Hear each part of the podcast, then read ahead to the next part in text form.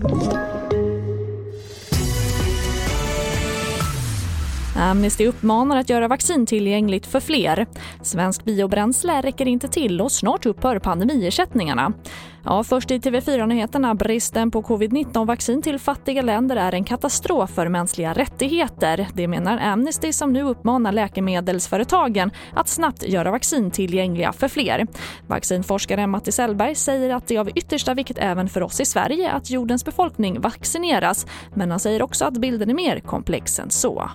Det är klart man kan vara upprörd över att vi inte har lyckats distribuera det precis likadant. Men då ska vi komma ihåg att ett av de vaccin som vi använder här det är ju de här eh, Pfizer och Modernas vaccin som då kräver en kylkedja som är mycket mer komplicerad som kanske inte fungerar i många länder. Nu har man nog fått igång den logistiken så nu kan man börja rulla ut även de vaccinen i eh, fattigare länder.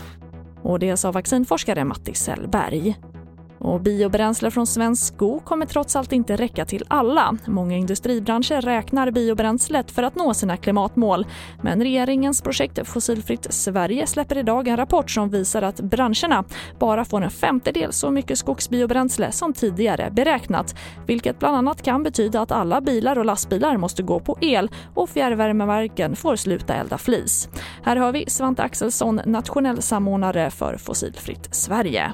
Ja, men problemet var ju att vi hade färdplaner som ville ha mer biobränsle summa summarum än vi hade tillgång till. Och då har vi löst det här genom att elektrifieringen av personbilar och lastbilar går fortare. Värmesektorn kommer att använda mer geovärme och spillvärme från datahallar och industrier.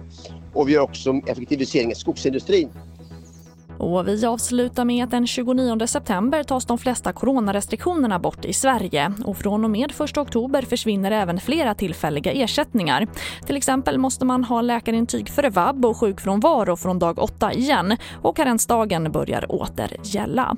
Och det får avsluta den här sändningen och fler nyheter det hittar du alltid i vår app TV4 Nyheterna. Jag heter Charlotte Hemgren.